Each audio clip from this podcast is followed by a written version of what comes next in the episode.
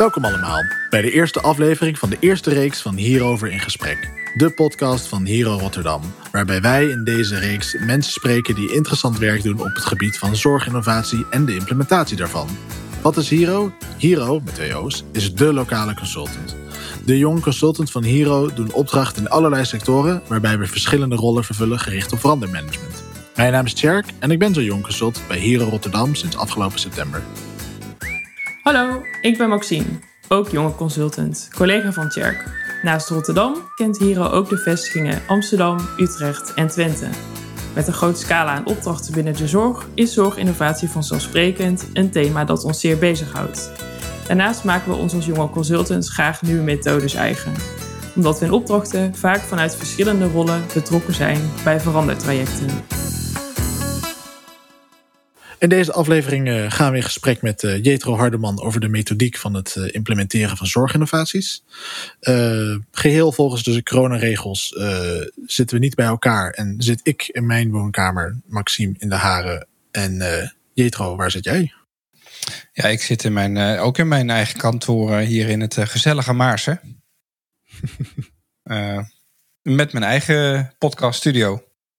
Ja, want zoals de luisteraars nog niet weten wellicht. Jetro is een echte podcaster. En daarnaast vervult Jetro nog uh, heel veel andere rollen. Uh, Jetro, zou je ons mee kunnen nemen en even en jezelf voorstellen? Ja, uh, ik ben Jetro Hardeman. Um, inmiddels 16 jaar werkzaam geweest in de zorg, gehandicaptenzorg. Daar heb ik de laatste vijf jaar eigenlijk heb ik me met name bezig gehouden op e-health en zorginnovatie. Uh, waarvan nu twee jaar als zelfstandig ondernemer uh, uh, aan de slag. En daar doe ik eigenlijk verschillende dingen. enerzijds innovatieadviseur, dus ik begeleid zorgorganisaties bij het vernieuwen van producten en diensten. daarnaast geef ik ook trainingen en lezingen over hoe je nou kunt innoveren in de zorg. Ehm, en daarnaast inderdaad podcaster van ondernemen in de zorg. Waarbij ik eigenlijk uh, succesvolle ondernemers vraag van goh, wat maakt nou dat jij wel succes weet te maken in de zorg eh, en anderen niet? Dus welke persoonlijkheidskenmerken uh, zijn er dan in belangrijk? Uh, dus dat. waar, komt de, nou, waar komt die interesse voor nou, zorginnovatie precies vandaan? Nou, dat is wel grappig, want eigenlijk ben ik helemaal niet zo ehm, van de technologie. Uh, en dan moet ik eigenlijk teruggaan naar uh, mijn tijd als kind, toen ik een jaar of uh, acht was. Broer. En die was altijd bezig met, met programmeren.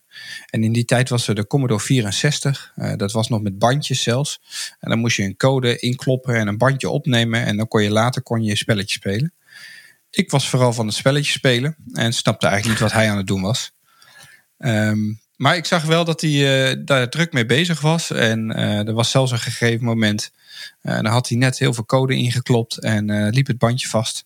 Moest hij weer helemaal opnieuw beginnen.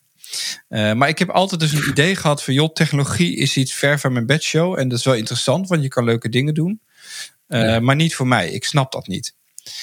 tot het moment dat de eerste iPhone uitkwam dat was eigenlijk voor mij de eerste realisatie dat ik dacht van hé, hey, nu komen er apps op de markt. Uh, websites werden ook steeds makkelijker eigenlijk. Uh, en daardoor merkte ik gewoon dat ik ook steeds meer kon doen. Dus waar je vroeger mensen of bedrijven nodig had om uh, iets te schrijven of muziek te maken, kon je dat nu opeens van achter je eigen laptop of computer. Toen dacht ik, als, als het mij nou eigenlijk extra vaardigheden geeft, meer mogelijkheden geeft, uh, dan moet dat ook iets kunnen betekenen voor mensen met een verstandelijke beperking. Uh, en dat was voor mij eigenlijk het begin uh, van nou ja, de start van waar ik nu sta. Van hoe kan technologie nou bijdragen aan, nou, aan de zorg? Heel interessant, al die diverse rollen en je ruime ervaring ook binnen de, binnen de gehandicaptenzorg. zoals je net in je introductie ook aangaf, ben je ook actief als, uh, als spreker, maar uh, ook eigenaar van innovatiestarters. En waren innovatie-expert en natuurlijk uh, podcaster. Is er een van die rollen die je het liefst vervult? Of waar je de meeste energie van krijgt? Of zeker in deze tijd um, Ja, dat vind ik heel lastig, want het liefste doe ik dus alles. Um, juist de, de wisselende rollen ehm, verrijken mijn creativiteit. Uh, ik ben creatief van aard, dus ik ben altijd aan het nadenken hoe dingen leuker, slimmer of beter kunnen. Uh, maar ja, het allerleukste vind ik eigenlijk wel uh, met een groep aan de slag. Dus een groep meenemen en ook zien dat ze succesvol zijn. en dat ze zelf ook door van, oh ja, nu zijn we op de goede weg. Ehm, ja, dat vind ik eigenlijk wat leuks. Ik heb ook uh, een, een, coachingsopleiding gedaan. Um, en ook wel over nagedacht, waarom ben ik dat dan gaan doen? Uh, maar ja, eigenlijk waar ik het meest gelukkig van word, is als ik zie dat andere mensen beter worden dan dat ik word. dus dat ze mij overtreffen. En nou, dat, heb ik op coachingsvlak, maar eigenlijk ook dus als het gaat over het begeleiden van een organisatie. Uh, ik vind het heel tof om te zien als een organisatie of een afdeling na een jaar uh, dat idee heeft gerealiseerd en daar grote stappen mee zet. Daar word ja. ik uh, het meest blij mee. En dat doe ik het liefst dus door voor de groep te staan of in de groep, maar in ieder geval met mensen aan de slag. Wat gaaf. En sluit dat ook aan ja. bij je missie? Je geeft aan dat je missie is uh, op weg om de zorg zelf te laten innoveren. Dus dat je hoopt dat die motivatie, uh, de energie en het enthousiasme vanuit organisaties en de professionals zelf komen. En dat jij daar hen dus in kunt begeleiden. Ja, nou die, die missie, um, dat heeft zich ook moeten vormen. Um, want toen ik begon met zorginnovatie, um, toen was ik en ik denk dat heel veel mensen zo starten. Eerst uh, verwonderd door alle dingen die er kunnen tegenwoordig. Hè. Technologie kan enorm veel bieden. Uh, en ik was ook zo'n gadget freak die van alles kocht en uh, altijd mee was met de nieuwste trends. Um, maar al vrij snel merkte ik dat hoewel er heel veel kan, dat niet wil zeggen dat je als organisatie ook succesvol bent. En dat dat vaak te maken had met eigenlijk het adaptatievermogen van, van een organisatie. Dus in hoeverre zijn zij in staat om uh, mee te gaan in de nieuwe verandering? Um, en nou, de, ik, heb ik heb een innovatielab opgezet destijds. En ik merkte dat, ondanks dat mensen wel enthousiast werden, maar dat het niet echt doorbrak. Dus toen ben ik na van ja, waar zit nou dat verschil? Uh, en ik kwam er eigenlijk achter dat het dus niet zozeer draait om de technologie. Dat is eigenlijk ongeschikt. Komt echt als laatste uh, aan bod. Maar dat het veel meer draait om, uh, kun je mensen meenemen in die denkstappen die nodig zijn om tot vernieuwing te komen. Dus kun je ze helpen bij het juiste probleem te vinden. Snappen wat het probleem is, in plaats van gelijk in de oplossingen te stappen. Um, dus in die zin, mijn missie is ook gegroeid naarmate ik zelf zeg maar, meer ervaring krijg. Um, in dat ik nu echt geloof, joh, innovatie zit echt in mensen. En, uh, en de manier waarop ze omgaan met problemen. Dus is wat je vooral hebt gemerkt uh, in de tussentijd is dat uh, de grootste nou, struikelblokken bij innovatie is echt meer het organisatorische, niet zozeer het technologische of, of misschien zelfs de implementatie. Het is echt een beetje hoe, nou ja, ik, zoals ik het een beetje hoor, um, wat is nou eigenlijk echt het probleem? Ja. Ja, er wordt veel te vaak eigenlijk gegrepen naar oplossingen. Ja. Uh, dat zit vaak ook, uh, dat heeft ook te maken met tijd tekort. Uh, we leven allemaal in de waan van de dag, uh, waarbij we van de ene meeting naar de andere hollen. En tussendoor wordt dan verwacht dat we ook nog keuzes maken en uh, problemen oplossen. dus we zijn heel snel geneigd om dus te snel te schakelen tussen ik heb een probleem en dit is de oplossing. Ik noem het ook wel een soort inkoopoplossingen. Um, vaak zie je ook wel dat managers vaak dus ook zoeken naar wie of wat kan mij nu snel helpen om dit weer op de rit te krijgen. En voor 70% van de gevallen werkt dat prima. Uh, je kan het jezelf ook voorstellen op het moment dat je naar je werk rijdt en uh, de brug gaat, staat open. Het eerste wat je doet is nadenken: oké, okay, wat is uh, optie 2? Um, maar vaak als het gaat om complexere vraagstukken binnen een organisatie, waar vaak ook meerdere mensen mee te maken hebben, ja. dan is dat gewoon niet voldoende. dus dan vraagt dat een, een andere manier van aanpak. en daar zie ik het eigenlijk te vaak fout gaan, is dat mensen toch maar blijven um, ja, doorakkeren eigenlijk op uh, we, we, kopen gewoon iets in en uh, we moeten implementeren. Ja, daar komen we denk ik wel mooi bij. Je noemde zelf al de aanpak. Mm -hmm. uh, en met, jou, met je bedrijf, innovatiestarters en met andere initiatieven ben je daar veel, veel mee bezig. kun je daar ons eens in meenemen? Wat is jouw aanpak om dus te komen van nou ja, het initiëren van die innovatie tot de daadwerkelijke realisatie daarvan? Ja, en dan moet ik gelijk zeggen dat het niet per se mijn aanpak is. Ik ben een soort uh, methodieke Dus ik, ik jatte de beste onderdelen van elke methodiek, uh, waarvan ik denk dat dat helpt in de zorg. Ik geloof in die zin ook niet in een soort uh, heilige methodiek, dat dat altijd helemaal werkt.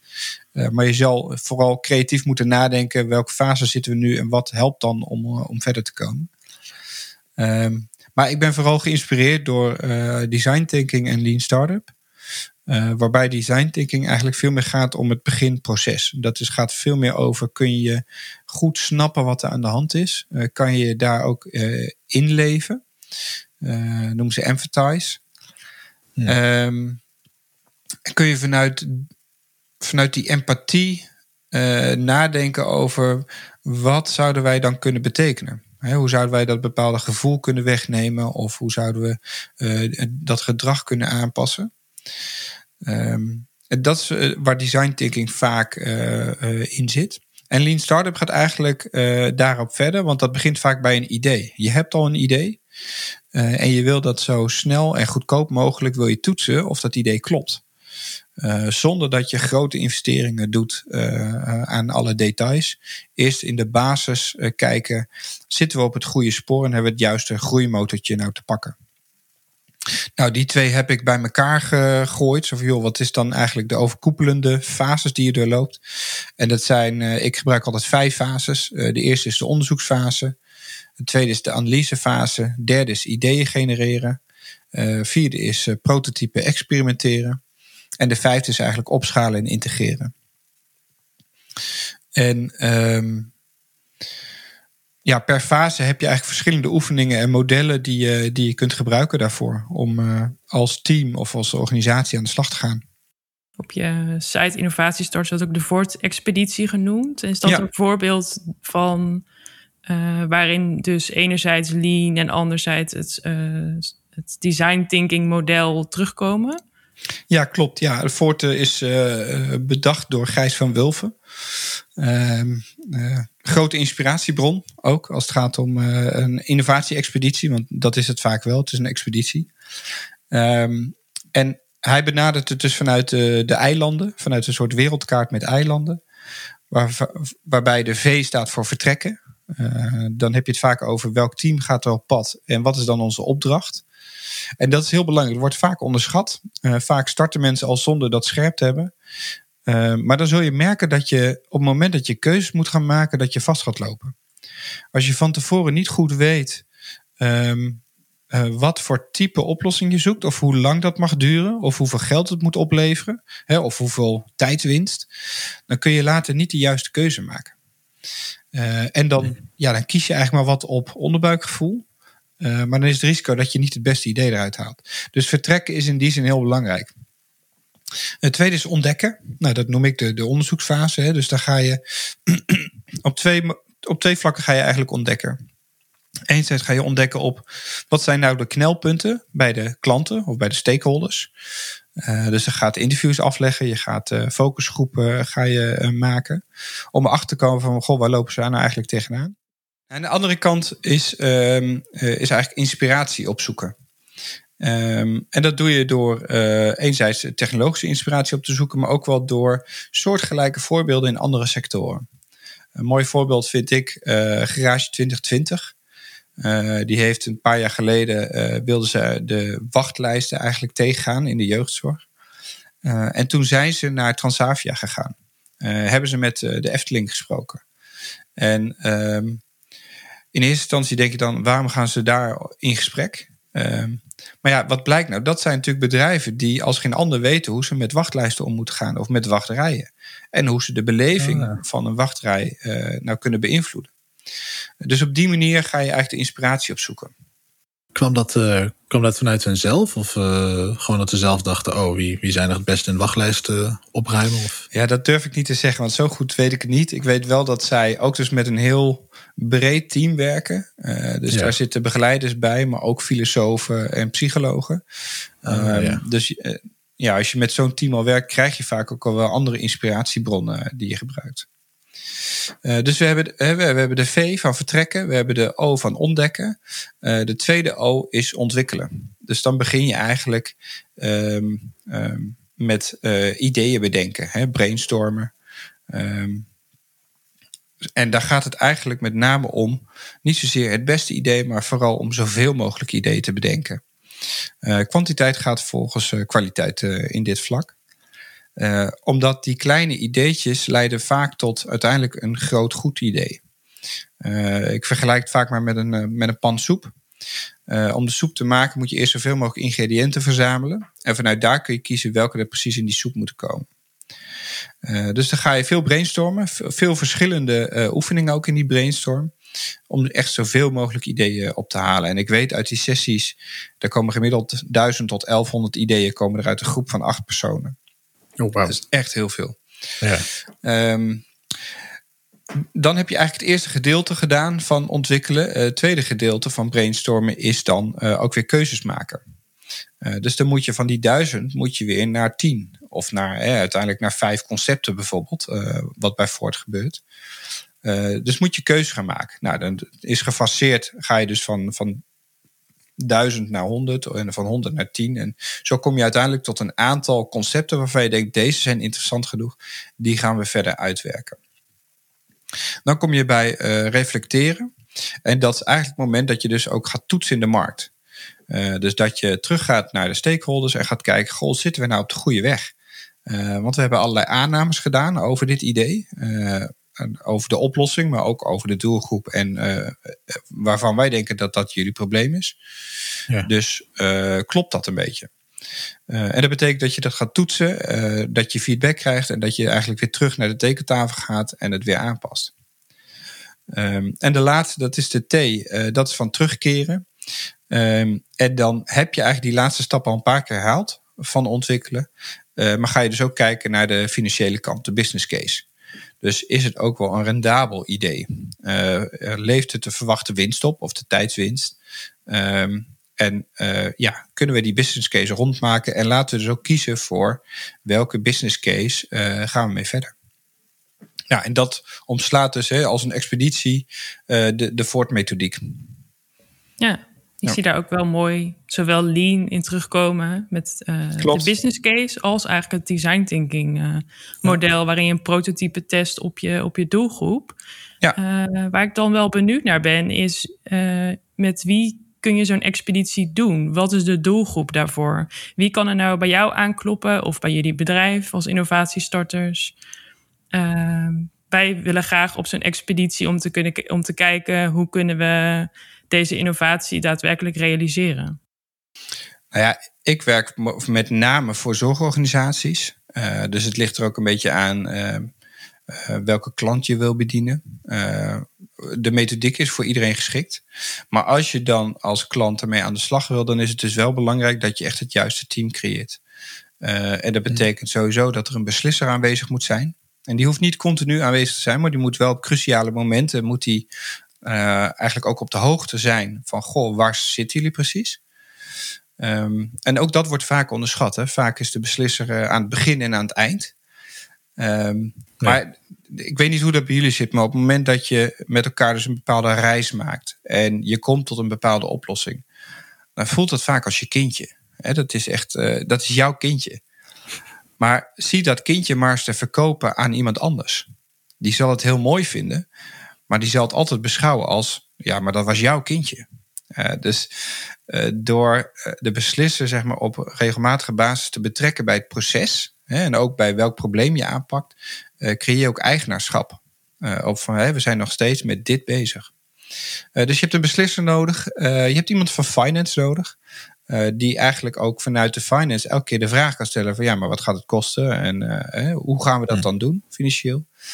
Um, je hebt de klant nodig, hè, een van de belangrijkste. Uh, niet altijd aanwezig in het team, uh, maar dan moet je dus goed met focusgroepen werken. Uh, een projectleider die de boel aan elkaar regelt. Um, ehm, HR zou ook interessant zijn. Eigenlijk ja, een multidisciplinair team. Dat is eigenlijk wel hè, de vertegenwoordiging van een organisatie.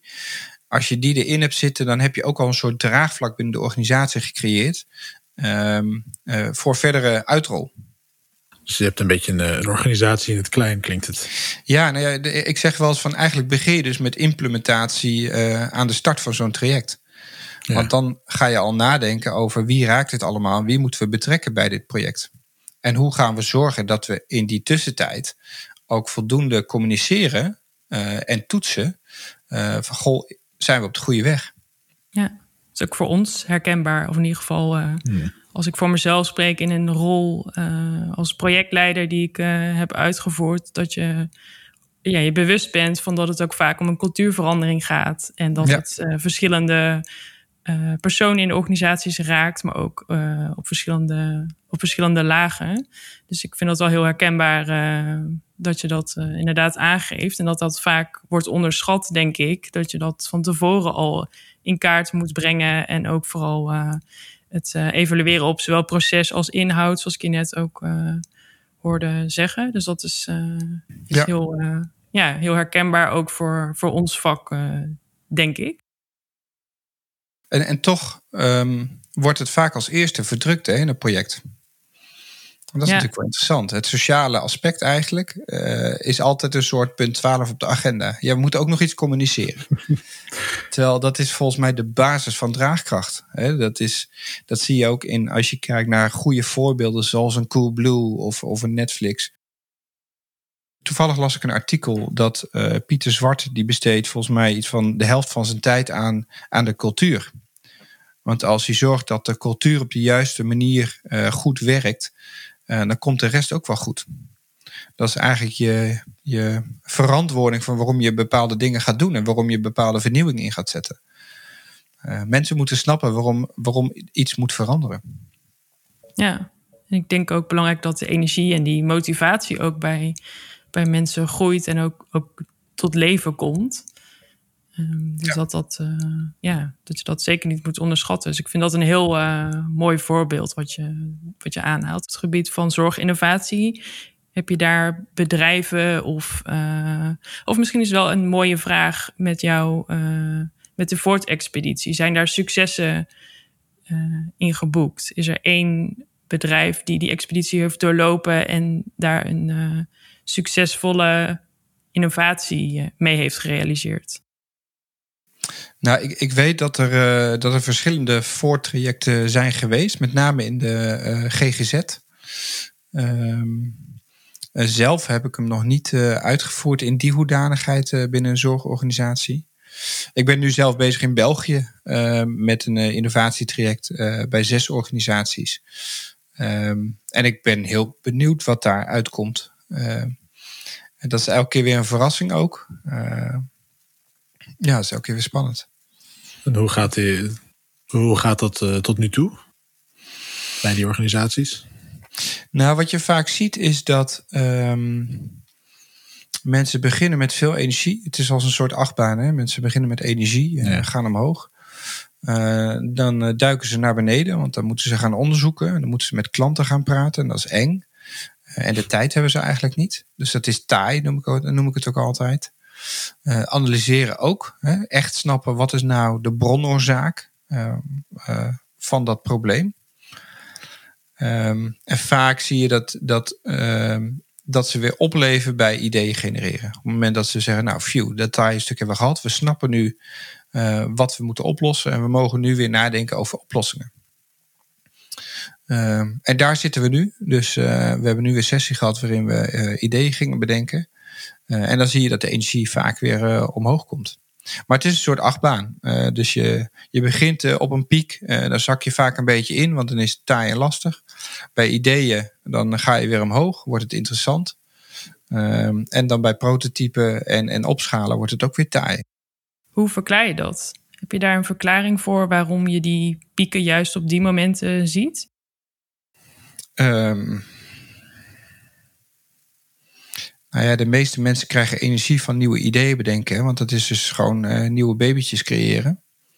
Um, maar als je dat voorbeeld volgt, uh, om vervolgens dat babytje op te laten groeien tot een volwassen man of vrouw, uh, kost heel veel tijd en energie. En moet je over veel meer dingen nadenken dan alleen maar dat eerste babytje.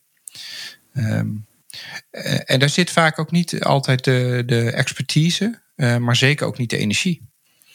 Ik denk dat we in de zorg veel ehm, uitvinders hebben. Dat is mensen die goede ideeën hebben. maar waar ik zelf inmiddels achter ben, ook tij, om, vanwege mijn podcast, is dat om echt het succes te maken en een verandering te maken in de organisatie, heb je eigenlijk meer ondernemerschap nodig. Dus dat is ook doorzettingskracht, uh, besluiten durven maken, risico's durven nemen. Uh, en daar ook achter blijven staan. Omgaan met teleurstellingen. Ja. Komt daar wellicht ook die innovatieparadox in terug in de zorg? Wat bedoel jij met een innovatieparadox? Uh, dat er wel dat het erkend wordt dat er veel om innovatie wordt, wordt gegeven, dat het belang daarvan uh, wordt erkend binnen zorgorganisaties. maar dat het niet vaak bovenaan de agenda komt te staan. Het zij door budgettering of dat het toch aan andere zaken prioriteit wordt gegeven?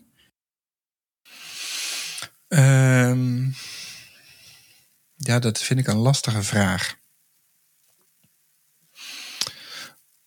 voor, mijn gevoel heeft dat te maken met uh, strategie. Wat ik vaak zie is dat innovatie als een soort extra wordt gezien. Um, en ik geloof er heilig in dat op het moment dat het extra is, is het ook het eerste wat weggaat als het druk wordt. Dus innovatie hmm. apart beleggen geloof ik inmiddels niet meer in. Uh, dus je moet het integreren in, uh, in de organisatie. In principe, hè, Coolblue heeft ook geen aparte innovatieafdeling. Nee, hun cultuur is alles voor een glimlach. En iedereen denkt continu na over hoe kunnen we daaraan bijdragen. Um, dat, dat zorgt ervoor dat iedereen ook uh, de neuzen dezelfde richting op heeft. En zo zou zorginnovatie ook een logisch onderwerp moeten zijn van de orthopedagoog, van de begeleider, van de arts, van de huisarts. Uh, om gewoon continu na te denken over hoe kunnen wij het nou slimmer, leuker of makkelijker maken.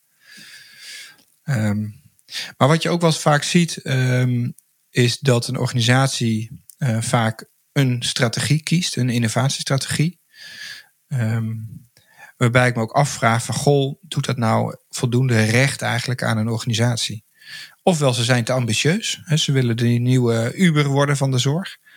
Uh, terwijl ze nog geen wifi hebben op de locatie. Uh, ja, dat kom je echt tegen. Um, ja. Ofwel, um, ja, uh, ze hebben geen ambitie. En zij zeggen eigenlijk van ja, maar we moeten eerst de basis op orde krijgen. En dan pas kunnen we nadenken over innovatie. Um, en volgens mij zit er een soort denkfout in het, in het of-of denken. Uh, je moet eigenlijk in en-en denken.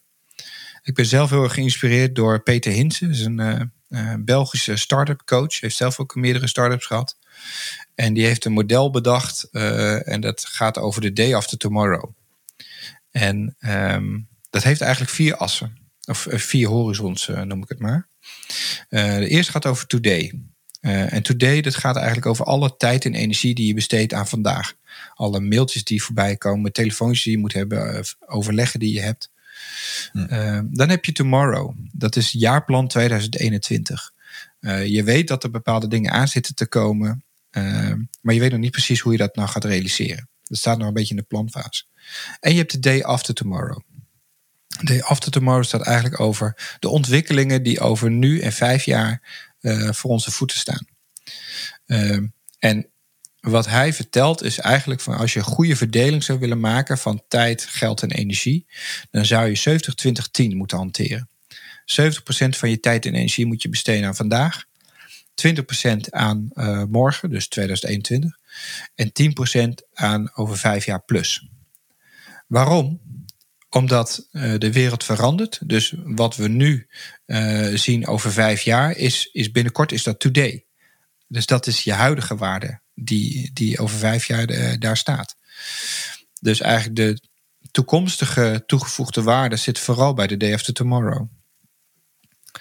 Um, dus dat betekent dat je dus niet of-of moet doen, maar je moet dus altijd en-en-en doen. Je moet op al die vlakken moet je dus eigenlijk acties uitzetten. Uh, het interessante was, uh, dat heb ik van hem horen zeggen. Uh, hij heeft het model ook in Japan, heeft hij dat bij CEO's ge gepresenteerd. Ehm, en er was een CEO en die zei van, nou, dit model, dat klopt niet helemaal. je mist eigenlijk een deel. Ehm, en Peter zei van, ja, maar hoezo dan? Want het is een vrij simpel model. Hij zei van, ja, je mist nog soy. Soy, soy, wat is soy? Soy staat voor de shit of yesterday. Dus dat staat voor de duct tape oplossingen van systemen die niet met elkaar praten. Uh, staat ook voor de uh, lastige cultuur die een ICT-afdeling heeft. Uh, ofwel het beeld wat mensen van de ICT-afdeling hebben. dus alles waar je eigenlijk last van hebt van het verleden. Wat vroeger goede besluiten waren, is nu achterhaald. En dat kost eigenlijk een negatieve waarde. Daar ben je alleen maar tijd mee bezig en het levert niks op. dus je hebt als zorgorganisatie heb je dus vier horizons of dimensies waar je op moet schakelen. Um, en ik geloof er heilig in dat een organisatie dus veel meer rust kan creëren op innovatievlak. Als ze op die manier zouden nadenken en dus ook strategisch uh, bepaalde projecten zouden starten. Ja, hier komt ook wel weer mooi terug die, uh, dat het belang, het belang van cultuur, belang van uh, goede communicatie door heel de organisatie ja. heen. En ik hm. denk ook het belang van innovatie, het hele proces. Dus nu, in de toekomst, maar ook in alle stappen daartussenin. Ik was persoonlijk nog wel geïnteresseerd, want je had het over een beetje een, een gebrek aan ondernemerschap binnen de, de zorg nog wel. Dan, hoe, hoe komt dat precies? Of, of, waar denk je dat het mogelijk aan ligt? Nou ja, ik denk in, in de kern, en ik bedoel, ik wil niet zeggen dat mensen niet vindingrijk zijn in de zorg. Hè? Dat, dat, nee, nee, zeker. Um, ik heb veel bewondering voor mensen in de zorg, want zij, zij moeten als geen ander, moeten zij continu improviseren. Geen dag is hetzelfde en zij, dat zijn goede uh, oplossers. Uh, maar wat ik wel vaak zie, en ik heb vooral ervaring in de langdurige zorg dan, dus daar kan ja. ik je zo vertellen, uh, is dat mensen dus heel creatief zijn uh, en goede ideeën kunnen bedenken. Maar de kwaliteit om dat dan ook te, te realiseren, en na te denken over wat doet dat dan op de lange termijn? Wat als dat idee opeens keer duizend is? Wat moet ik dan regelen? Uh, dat dat vaak ontbreekt. En dat is iets wat je vaak bij ondernemers wel ziet. Uh, uh, bij mensen in de zorg vaak beginnen vanuit dat idee en dan nadenken over hoe kan ik het groter maken. Uh, denkt een ondernemer vaak over het eindpunt. Goh, ik wil daar, daar komen. En wat ja. moet ik nu dan gaan doen? Um, en dat zorgt voor andere vragen. Uh, en het is ook gewoon uh, wel een ander type mens, denk ik. Um, nou ja, dat is ook waar, waar, ik zelf dus naar op zoek ben. Hè, van wat, wat maakt dan het verschil? Ja. Um, en wat ik wel, wat ik tot nu toe zeg maar terugkrijg, is dat het over, over het algemeen mensen zijn die uh, weinig tot geen stress kennen. erg creatief en conceptueel zijn, maar ook wel echte doorzetters. Uh, dus een tegenslag houdt ze niet tegen. Ze denken alleen maar aan hoe gaan we dit oplossen. Inderdaad. Echte ja, probleemoplossers. Ja. ja. Hoe zou de zorg die ondernemers uh, meer kunnen aantrekken? Hoe zie jij daar een eerste stap in om, dat, uh, om die twee werelden, om het zo maar even te noemen, meer met elkaar te verbinden? Um, ja, ik, ik weet niet of ik ze, of ik ze echt zou willen aantrekken. Uh, ik denk dat er een ander type uh, zorgverlener nodig is. En dat dat tijd kost. dus, dus het is ook een generatieding. We hebben gewoon een aantal generaties nodig om een ander type, genera ja, een ander type zorgmedewerker te krijgen.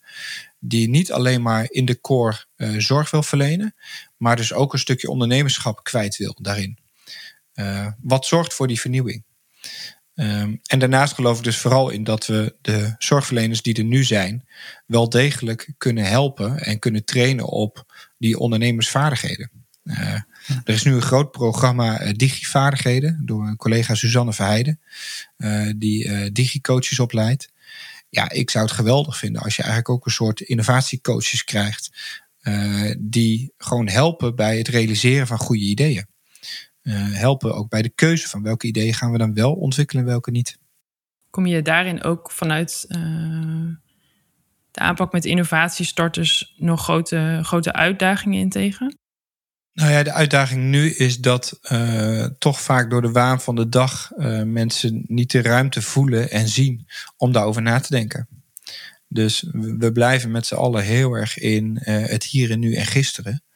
Uh, en op korte termijn dus uh, proberen quick fixes te realiseren. Um, en het is lastig om die urgentie dus te creëren of te, te, te, laten zien waarom het belangrijk is om te investeren in juist wat verder weg. Ja. Uh, ja. Is dat ook iets wat jullie met zorgexperience uh, nastreven? Of heeft dat een totaal andere. Um, nou ja, het is wel interessant. Het is eigenlijk een ander, ander type uh, bedrijf wat we opstarten. Uh, maar het heeft wel raakvlakken. Um, we zijn nu met twee projecten bezig. Eén is de Innovation Experience en de andere is de Zorg Experience. En in de kern gaat dit vooral over de manier waarop we mensen willen laten leren. Uh, op dit moment gebeurt het vaak dus in zaaltjes uh, met een trainer aan de voorkant. En die doet zijn best, tenminste ik doe altijd mijn best om het zo interactief mogelijk te maken. Um, uh, en dan nou, heel veel theorie en je laat dingen wat oefenen. maar als je ziet waar mensen eigenlijk het meest van leren, dan is dat juist door dingen te beleven. Ehm, als ze het zelf hebben meegemaakt, dan komt dat veel dieper binnen. Dus ik dacht van hoe kunnen we dat effect nou eigenlijk uh, gebruiken om mensen dus beter te laten leren. En ik ben geïnspireerd door escape rooms. Uh, mensen laten zich vrijwillig een uur lang opsluiten met elkaar. Om onder tijdsdruk allerlei moeilijke raadsels en puzzels op te lossen. En daar worden ze nog blij van ook. Uh, dus ik dacht van joh, kun je dat concept nou inderdaad niet leggen over leren? Uh, dus ik ben nu in ontwikkeling bezig met een uh, experience uh, waarin we de vijf stappen van innovatie uh, integreren.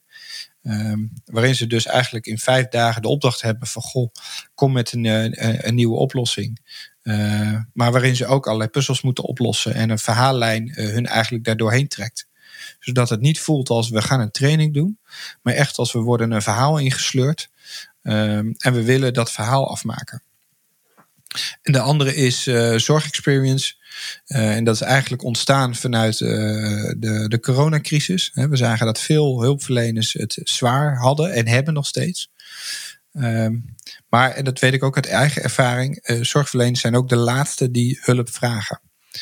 ze zullen liever hulp geven dan dat ze het vragen. Dus er zit een soort drempel op. Um, en wat je zag gebeuren is dat er heel veel psychologen en coaches aanboden van joh, ik wil helpen. Je mag me gewoon bellen. En dat er bijna geen uh, ja, gebruik van werd gemaakt. Um, dus toen ontstond het idee van joh, kun je deze mensen nou niet op een laagdrempelige manier dus meenemen in een verhaal wat voelt als een avontuur. Uh, wat je krijgt van je, van je, uh, van je organisatie. maar, waarbij je wel continu tot reflectie wordt ja, geprikkeld eigenlijk. Hoe gaat het nu echt met mij? Uh, hoe voel ik me eigenlijk? Ja, heb ik mijn grenzen eigenlijk wel bewaakt? Of zit ik daar eigenlijk overheen? Um, als een soort introductie naar um, van goh, moet ik nou wel of niet professionele zorg inschakelen? Gaat het niet goed met mij? Moet ik die coaches bellen?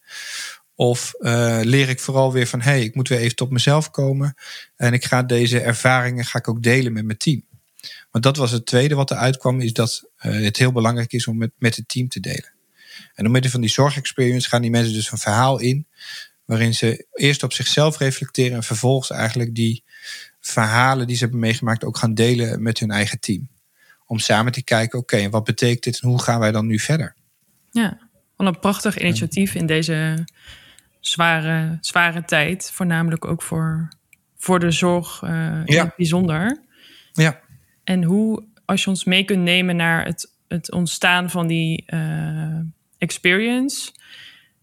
Uh, hoe is dit initiatief ontstaan? Omdat je zelf al aangaf, en dat herken ik zelf ook wel uit de zorg. De zorgprofessionals willen graag voor anderen zorgen, maar vergeten ja. soms om voor zichzelf te zorgen. Ja. Zeker nu heel belangrijk.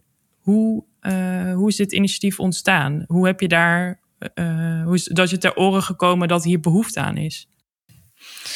Um, ja, hoe is het ontstaan? Dat ken jij vast ook wel. Dat je soms van die sluimerende gedachten hebt. En dat kan jaren in je hoofd blijven zitten. En opeens uh, is het moment daar dat je denkt: hé, hey, nu vallen alle stukjes in elkaar. Dus ik was al uh, een paar jaar was ik uh, ja, gefascineerd eigenlijk door de werking van escape rooms. En niet zozeer vanwege de escape room zelf, maar meer het concept van een escape room. Ehm, en ik ben van nature een ervaringsgericht leerder. Dus uh, ik heb niet zoveel aan een boek. Ik wil het liever zelf meemaken. Dus het is ook mijn persoonlijke drive. Um, dus uh, daar was ik al een paar jaar mee, aan het worstelen van hoe, hoe kun je dat nou doen. En ik merkte ook vaak dat als ik in een training zat, dat ja, de trainers wisten mij maar moeilijk te boeien. Uh, en mijn motto was dan ook een beetje dat als ik voor een groep sta, ja, dan, dan moeten mensen wel geboeid blijven. Dus altijd op zoek naar hoe kun je dat nou spannender maken, leuker maken. Um, niks ergers dan een training waarbij je denkt, oh, is het al vijf uur, toch? Dat is verschrikkelijk. Ja. Um, dus, dus dat waren allemaal dingen die in mijn hoofd speelden. Um, en toen ontstond de coronacrisis. En toen sprak ik een aantal mensen die eigenlijk hun zorg ook uiten. Van goh, ja, dit is echt een groot probleem nu. We zijn gewoon heel bang dat al die hulpverleners gewoon uit gaan vallen op dit moment. um, maar ook persoonlijke verhalen van hè, dat ze zelf ook merkten, ondanks dat ze niet direct in het werkveld zaten, uh, wel die druk voelden. Uh, uh, en ook vertelden wat het met hun deed. Uh, en toen, dacht, ja, toen dachten we eigenlijk, joh, dan zou het toch mooi zijn als je dat in een ervaring kan stoppen. Uh, ook wel omdat uh, wij heel veel praten, maar er nog zoveel andere zintuigen zijn die je kan gebruiken.